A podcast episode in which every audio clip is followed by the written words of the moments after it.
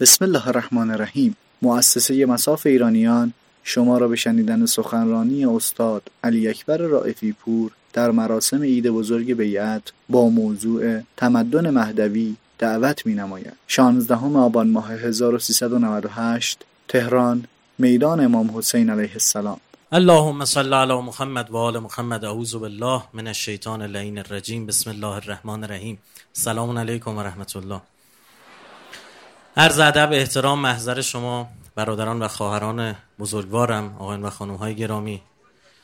الحمدلله از این برکت فراوانی که امروز نصیب هممون شد علل خصوص این حقیر سراپا تقصیرین که بتونم در محضر شما باشم خدمت شما باشم. در جمع عاشقان و منتظران امام زمان عجل الله حاضر بشم. با اینکه امروز بین و تعطیلین بود و محسوس خیابون ها خلوت بود. معلوم بود تهران خلوت شده اما باز هم این جمعیت نشان دهنده ارادت و عمق ارادت قلبی شما بزرگواران و همه مردم ایران به اهل بیت علیهم السلام. خب اجازه بفرمایید یه دقایقی رو مصده شما بزرگواران و عزیزان هستم. اینکه می‌خوام راجع به این صحبت بکنم که شکلگیری تمدن مهدوی یه پروسس یا پروژه؟ پروسه یعنی این که باید بشینیم خودش محقق بشه شرایط به سمتی پیش بره که دنیا آماده ظهور بشه یا اینکه نه خیر ما باید یک منتظر فعال و اکتیو باشیم و شرایط رو آماده بکنیم. و چقدر این آماده سازی شرایط و آمادگی برای ظهور مقوله و مسئله فردی است و چقدر اجتماعی ساختارمند و سیستماتیک. طبعا همه شما بزرگواران با توجه به شناخت و معرفتی که نسبت به مسئله مهدویت دارید حتما میفرمایید بله باید منتظر اکتیو و فعال باشیم و منتظر داینامیک باشیم.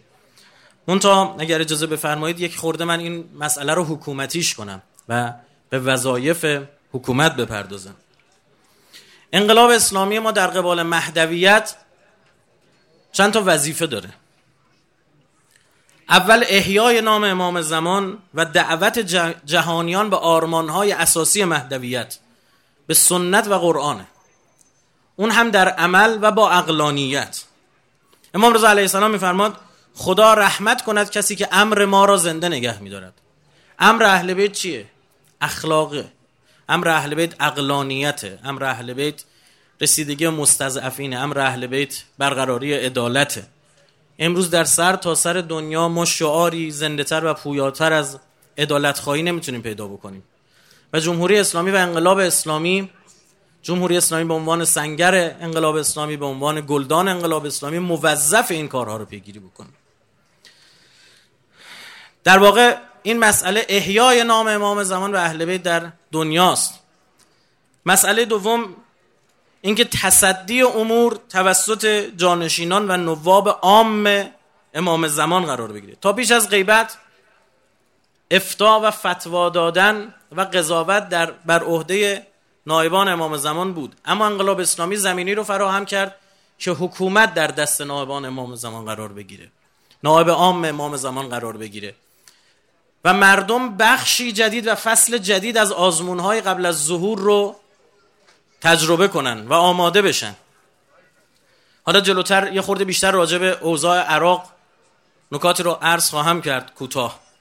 که ببینیم چقدر تفاوت داره وقتی شما یک مسئله رو فردی پیگیری می‌کنید یک سری وظایف فردی رو انجام می‌دید و یک موقعی که نگاه جمعی و اجتماعی به مسئله دارید. تا بحث قدرت وسط نیاد تا پول وسط نیاد خیلی ها مدعیان و نمرشون هم بیسته. باید بحث پست و جایگاه و قدرت و اینجور مسائل پیش بیاد تا ببینید چطور به همدیگه حمله می‌کنن. دیدید در این روزها تو شبکه های اجتماعی این مراسم عزیز عید بیعت رو یک عده‌ای برخورد انتخاباتی باهاش کردن. گفتن لابد اینا می‌خوان برای مجلس بیان و نمی‌دونم این حرفا. قافل از اینکه بابا این سال پنجم چهارم پنجم داره برگزار میشه. و اگر کسی می‌خواست برای مجلس بیاد و دور قبل میومد چهار سال گذشته. و من حق میدم به خاطر اینکه تو این فضا بزرگ شدن. تو این فضا زیست داشتن که برای رسیدن به قدرت از هر طریقی میشه استفاده کرد. به هر رتب و یابسی میشه دست انداخت. باید بهشون حق داد. حالا گذر زمان نشون میده که حالا مثلا بنده نوعی تو انتخابات می‌خوام شرکت بکنم یا نکنم که نمی‌کنم. وظیفه سوم که محقق شد. شما امروز بذار اینو توضیح بدم اینجا. به وضوح به وضوح نقش نبود ولایت فقیه آنطور که ما داریم. در عراق رو دارید حس می‌کنید. و جوری وقتی بحران عراق رو نگاه می‌کنید میگید اینا با مواجه با یه بنبستن خب باشه باشه دولت رو عزل کردیم. بعدش می‌خواد چیکار کنید دوباره انتخابات. خب کیا میان برای انتخاب شدن؟ دوباره همینا. مردم ایران تو این چهل سال با تمام فراز و نشیب هایی داشتن با موفقیت هاشون بعضا شکست های در جاهایی. مسیر رو در مجموع با پیروزی و موفقیت طی کردن. مسئله سوم الگوگیری از آرمان شهر مهدوی برای ادامه انقلاب و حکومت اسلامی. متاسفانه وظیفه سوم نقصای فراوانی درش دیده میشه. اینکه ما بالاخره در مورد در ماره و در مورد آرمان شهر مهدوی یه سری نکات داریم یه سری گزاره ها داریم. ملعت قسطن و عدلا دنیا پر از قسط و عدل میشه. باید از الان اقدام بکنیم. دنیا نه فقط ایران نه فقط فلان شهر. بلکه باید شرایط رو فراهم کرد برای اینکه کل مردم دنیا طعم عدالت رو بچشن. عدالت حقیقی نه نسخه های تقلبی از عدالت. تو این زمینه کمکاری کردیم. اساسا بیانیه گام دوم اومد گفت آقا فصل جدید انقلاب اسلامی یعنی این. یعنی فکری بکنید به حال کل دنیا. این کسی که مثلا شاید داره امتحانای اول دبیرستانش رو داره به سختی پاس می‌کنه یا بهش بگن آقا دکترا اینه ها این اصلا باید یه انرژی مضاعفی پیدا کنه یه هدف رو خیلی بالاتر قرار میده که بابا این اصلا اینکه چهار تا درس و اول دبیرستان پاس بکنی چه؟ تو باید انتخاب رشته کنی بریسی بالاتر. اینا نیست یه وقت تو الاف این مسائل نمونی. درگیر این مسائل نمونی اینا مهم هست اما کافی نیست. اصلا هدف این نبوده که یه شاهی کنار زده بشه حالا مثلا بعد یه حکومت تشکیل بدیم. نه خیر. ما آمدیم یه الگویی باشیم که به مردم دنیا بگیم آقا میشه می‌شود می‌توانیم. تمام دنیا سرخم کرده بودن در مقابل نظام سلطه در مقابل استکبار جهانی در مقابل صهیونیسم جهانی. پذیرفته بودن دیگه نمیشه. پذیرفته بودن دنیا رئیس داره و هر چیو بگه همه باید بگن چشم. در کجای دنیا سیلی هایی که مردم ایران به این صهیونیستا زدن شما جای دیگه کجا پیدا می‌کنید؟ اگر هم باشه دودی اگر باشه از آتیش ماست. اگر در سوریه اتفاقی افتاده در لبنان اتفاقی افتاده در عراق اتفاقی افتاده در یمن اتفاقی افتاده از ماست. و یک سری شعارهای ما رو اونا پررنگتر حتی رفتن گفتن. با خودم فکر می‌کردم این که در آخر زمان پرچم یمن هدایتگرترین پرچمه یعنی چی؟ چطور؟ خود ایران اینطور نیست. گفتم شاید خود پرچم مد نظره. دیدم اونها رو پرچمشون چی زدن؟ ما رو پرچممون چی زدیم؟ دیدم اونها رو پرچمشون نوشتن پرچم, پرچم انصار الله الله اکبر. الموت لامریکا الموت لاسرائیل اللعنت علی الیهود النصر للاسلام. از این تابلوتر از این روشنتر از این بیپرواتر شما بیا شعارا رو فریاد بزنی؟ چیکار تونستن بکنن یمن رو؟ پنج سال تمام با تمام قدرت با تمام قوا به لحاظ تجهیزات به لحاظ تخصص خیلی از این پروازهایی که روی یمن داره صورت می‌گیره اصلا عربستانی نیستن خلبان ها خلبان امریکایی هن. خلبان انگلیسی هن. خلبان آمریکایی با هواپیمای آمریکایی با دستور امریکایی داره بمباران می‌کنه اونجا رو چی شده شما می‌بینید توی همین عملیات نصر من الله سه تیپ عربستان نزدیک هفت هزار نفر رو اسیر گرفتن هر لحظه اراده کنن شاهراه حیاتی کره زمین بابل و می‌تونن ببندن. اینو شده که میشه. خطایی اگر هست تو خود ماست از درونه. امام می‌گفت آمریکا هیچ غلطی نمی‌تونه بکنه. واقعا درسته. فرعون هم هیچ غلطی نتونست بکنه. همه غلط ها تو داخل انجام میشه. سامری و قارون ها همه غلط ها رو کردن. تو این مملکت خودمون آمریکا هیچ غلطی نمی‌تونه بکنه. همه غلط ها رو خودمون می‌کنیم.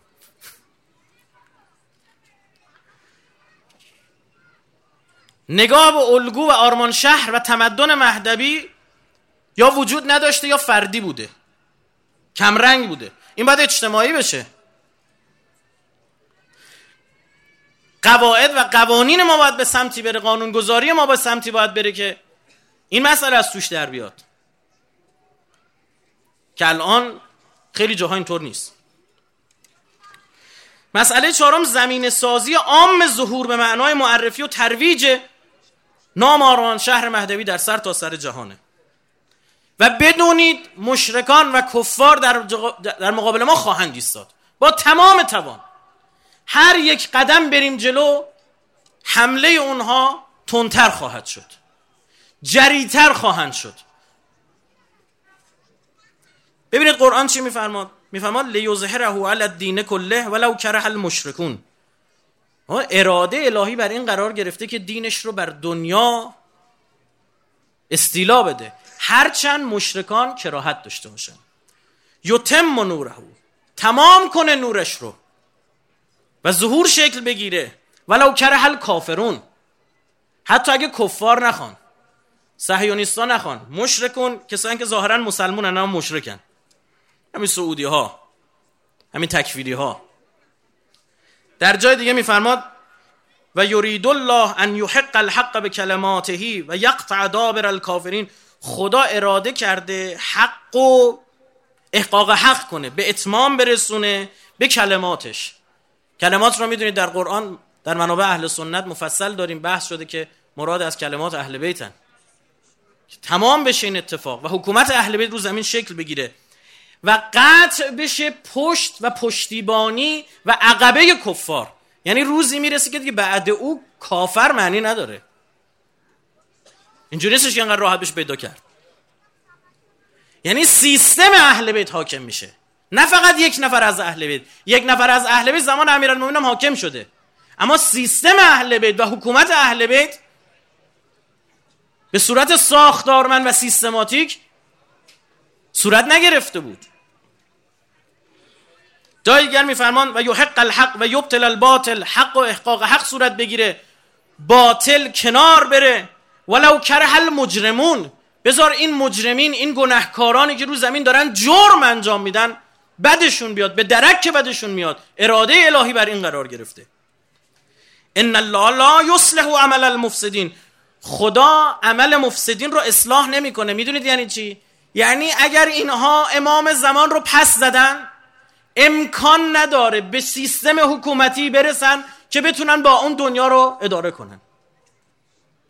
والا هرچی گذشته از دوران امام زمان قتل ها بیشتر شده.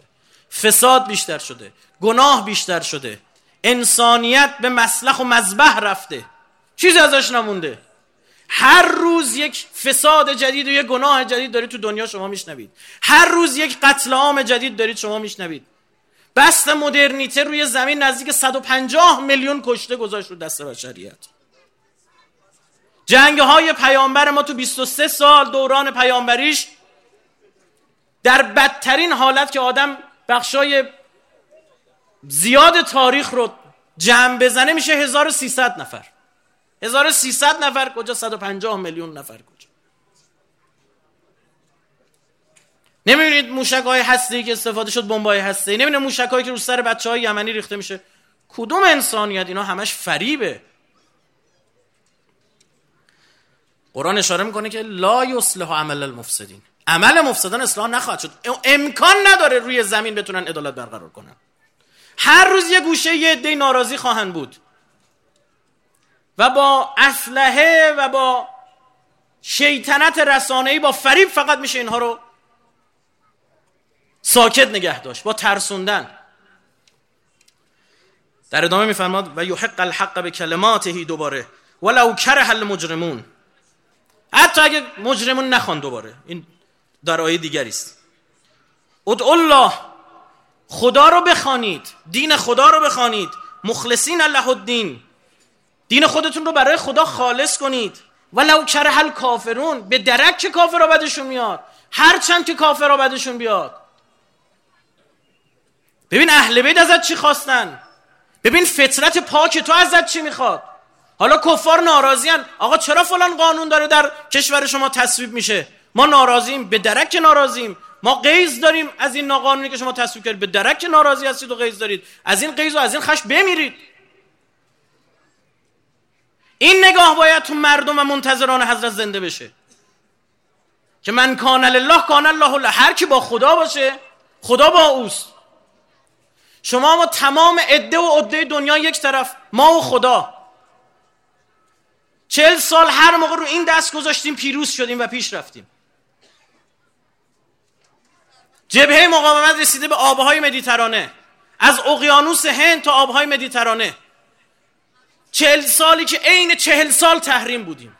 عین چهل سال مسئولین ما می‌گفتن در دوره حساس کنونی. یعنی عین چهل سال عمر انقلاب حساس بود.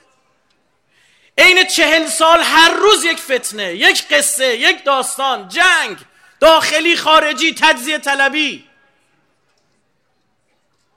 این خودش معجزه است والا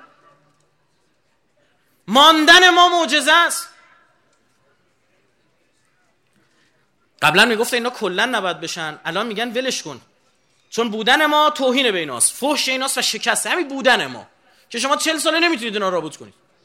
میگن حالا اینو که نمی‌تونیم انجام بدیم. بیایم اینا رو استحاله کنیم. از درون حالا یه جمهوری اسلامی باشه یک معممی همون بالا مسئول باشه. یک روحانی هم بالا مسئول باشه. اما یک معممی که دل در گروه خود مشرکین و کفار داشته باشه. الان اوضاع عراق رو ببینید چطور به هم ریختن. حالا من وعده می‌کنم در اسرع وقتی سخنرانی بزنم در مورد عراق. بنده بنده من نوعی با کسی دیگه کار ندارم. 20 دلیل دارم که عراق اینا ریختن به هم. یعنی صرفا یک نارضایتی عمومی عادی نیست. 20 تا دلیل دارم دیگه. حالا دلایلمو خواهم گفت و شما بزرگواران خواهید شنید و قضاوت خواهید کرد. بله زخم هست. زخم هست که مگس میره روش میشینه. برای چی؟ برای اینکه کشور عراق و مردم عراق برای تشکیل حکومت آماده نبودن برادر من. شاید براتون عجیب باشه. بیش از 70 80 درصد وزرای کابینه عراق بعثیان مسئول دوران حکومت صدام بودن. ما در کابینه عراق فردی داریم که عضو القاعده بوده.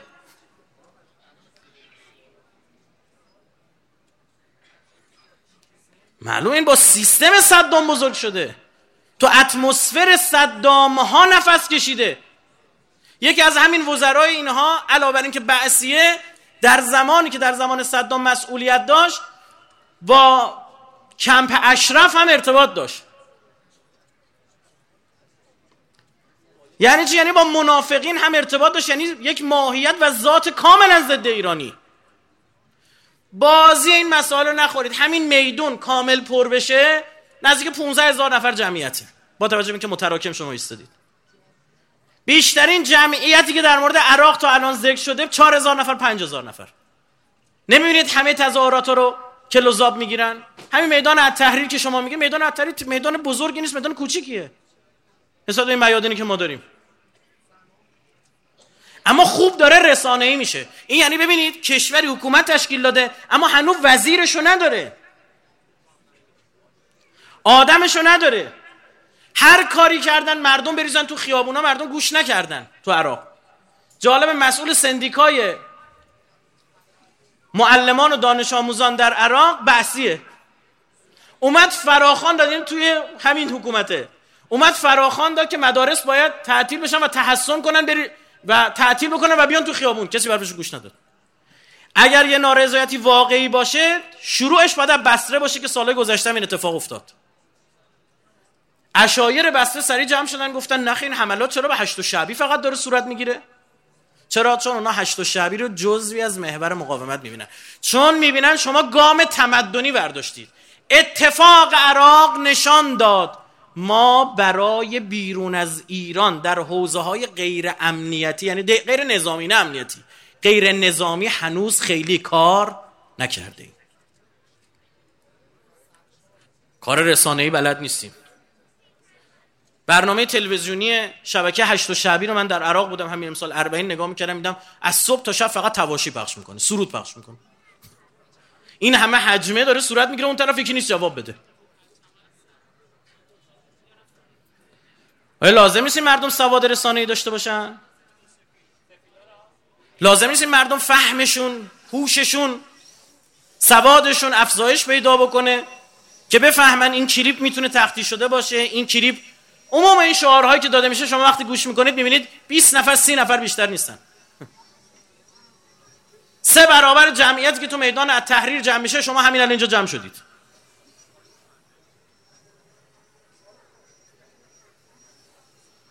این نشون میده ما اینجا کمکاری ماست آقا جان. کمکاری دانشگاه های ماست کمکاری حوزه های ماست. کمکاری خبرگزاری ها, و بخش های رسانه‌ای انقلابی ماست. کجایید چیکار دارید می‌کنید؟ آیا فقط باید به زبان فارسی توجه کرد؟ اگر ما میگیم از اقیانوس هند تا مدیترانه چقدر برنامه به زبان اردو برای پاکستانی ها به لحجه ها گویش های افغانستانی ها کشورهای عربی اونطور که اینا رو آب دیده کنه برای چنین روزهایی ما ساختیم؟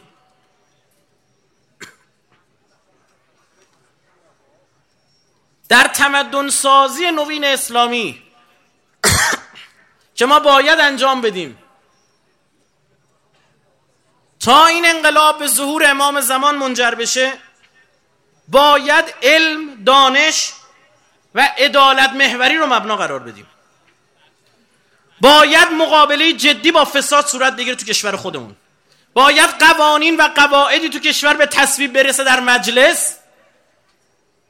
بله ما تو انتخابات شرکت نمی کنیم بنده شرکت نمی کنم اما خواهیم گفت به مردم که به چه معیارهایی رأی بدید.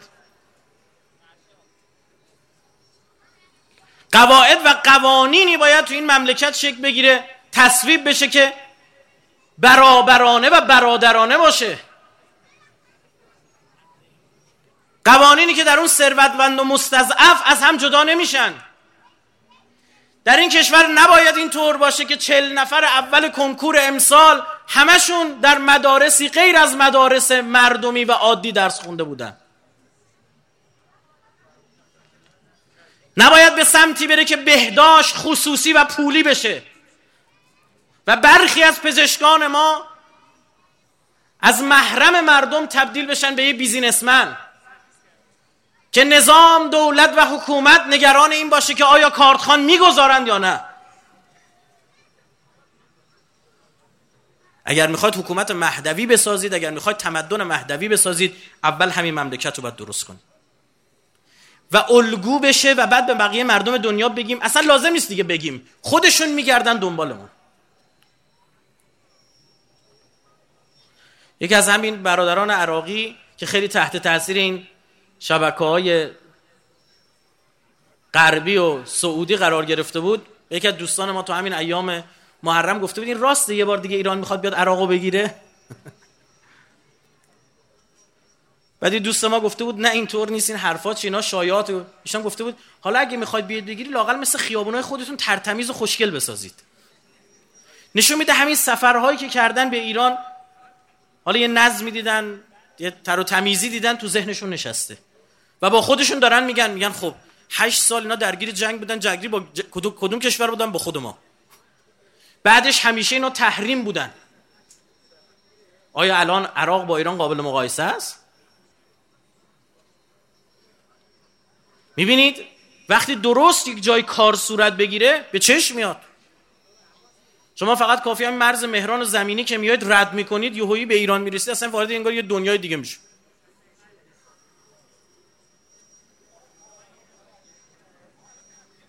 دنیا تشنه عدالته. می‌خواد بگید امام زمان ما کیست؟ بگید امامی است که می‌خواد این عدالت رو به صورت کامل و تمام محقق کنه. کدوم عدالتی که حالا یه خوردهشو ما تو جمهوری اسلامی تعمش رو به شما میچشونیم؟ همین. و ما هیچ وقت ما تو جمهوری اسلامی موفق نخواهیم شد که عدالت رو به صورت کامل محقق کنیم. این فقط ویژگی حکومت حضرته. اینم معترفیم یک سال و نیم هر شنبه توی فرانسه دارن میریزن تو خیابونا فقط به خاطر اینکه میگن عدالت نیست. حکومت دست سرمایه داراست میگن خس ما نمیگیم به پیر به پیغمبر مسلمون هم نیستن شیعه هم نیستن انقلابی هم نیستن مثلا. میگن ما خسته ایم از مثلث WTL واشنگتن تلاویو لندن. فرانسویا تو پاریس خستن از دخالت های استعمارگرایانه و صهیونیستی سه کشور معروف در شیطنت و پدر سوختگی امریکا انگلیس و اسرائیل. ما که نمیگیم. سخنگوشون ازشون پرسیدن search بفرمایید اینو بذارید تو Google Translate فرانسوی search کنید اصلا. که آقا ما از انقلاب اسلامی ایران الگو گرفتیم. ولی یه ایرانی هم بینشون نیست. جنبش 99 درصدی تو آمریکا چی میگم آقا ما 99 درصد بدبخت جامعه یه درصد رسانه دستشونه پول دستشونه خودشونو تو اکثریت نشون میدن. باید کشورمون به یه الگو تبدیل بشه و بعد این الگو تکثیر بشه. یعنی ما مکتوب داشته باشیم به عراقی ها بیایم بگیم اینو بیا بگیر ببر انجام بده. برای برادران اهل سنتمون که می‌خوان حکومت سلطنتی نداشته باشن حکومت دیپلماتیک اسلامی داشته باشن بر مبنای فقه اهل سنت باید آمادگی داشته باشیم بهشون مطلب بدیم. ما قرار نیست کل کره زمین رو شیعه کنیم. ما قرار یک حکومت شیعه نمونه بسازیم. و برای این باید خارج بشیم از این برنامه ریزی ها و از این روزمرگی ها و برنامه ریزی های غیر منسجم فرهنگی. اجتماعی اقتصادی تلاش کنیم برای ترسیم هدفمند. یکی از خوبی های این مراسم اینه که همین الان که شما اینجا نشستید و در واقع ایستادید در 89 شهر دیگه کشور داره برگزار میشه در شهرهای بزرگ کشور و همه با هم با همدلی محض. ما اومدیم برای اجتماع قلوب و من به شخص خودم من فقط سخنرانم اینجا. تمام زحمت بر گرده دوستان دیگر بوده و من تا جایی که تونستم اصلا مداخله هم نکردم. خودشون زحمت کشیدن. باور کنید از نزدیک دو ماه برنامه ریزی دارن می‌کنن. یک مراسمی رو کشوری بدون ذره حمایت حمایت خاص. تماما مردمی. تماما مردمی. من همین دیشب دفتر بودم. تا آخرین ساعات شب همین پرچم های سبزی که دست شماست بچه ها داشتن بسته‌بندی می‌کردن میفرستادن برای این شهرها. برای مراکز استان ها یعنی دقیقه 90 هم کار تموم شد. باید به مردم گفت دستتون درد نکنه. و از یه طرف هم نباید خیلی گفت دستتون درد نکنه چون وظیفمون انجام دادیم. همه ما مردم. این اقل کاری که برای ما زمان اون انجام میدیم. سرتون درد آوردم عذرخواهی می‌کنم. انشالله تا پایان برنامه حاضر باشید و از ادامه برنامه که بخشای متنوع و جالبیه لذت ببرید. ظاهرا امسال عهدنامه هم قرار خود بنده بخونم. حالا تا چه خواهد شد صلوات ندوبم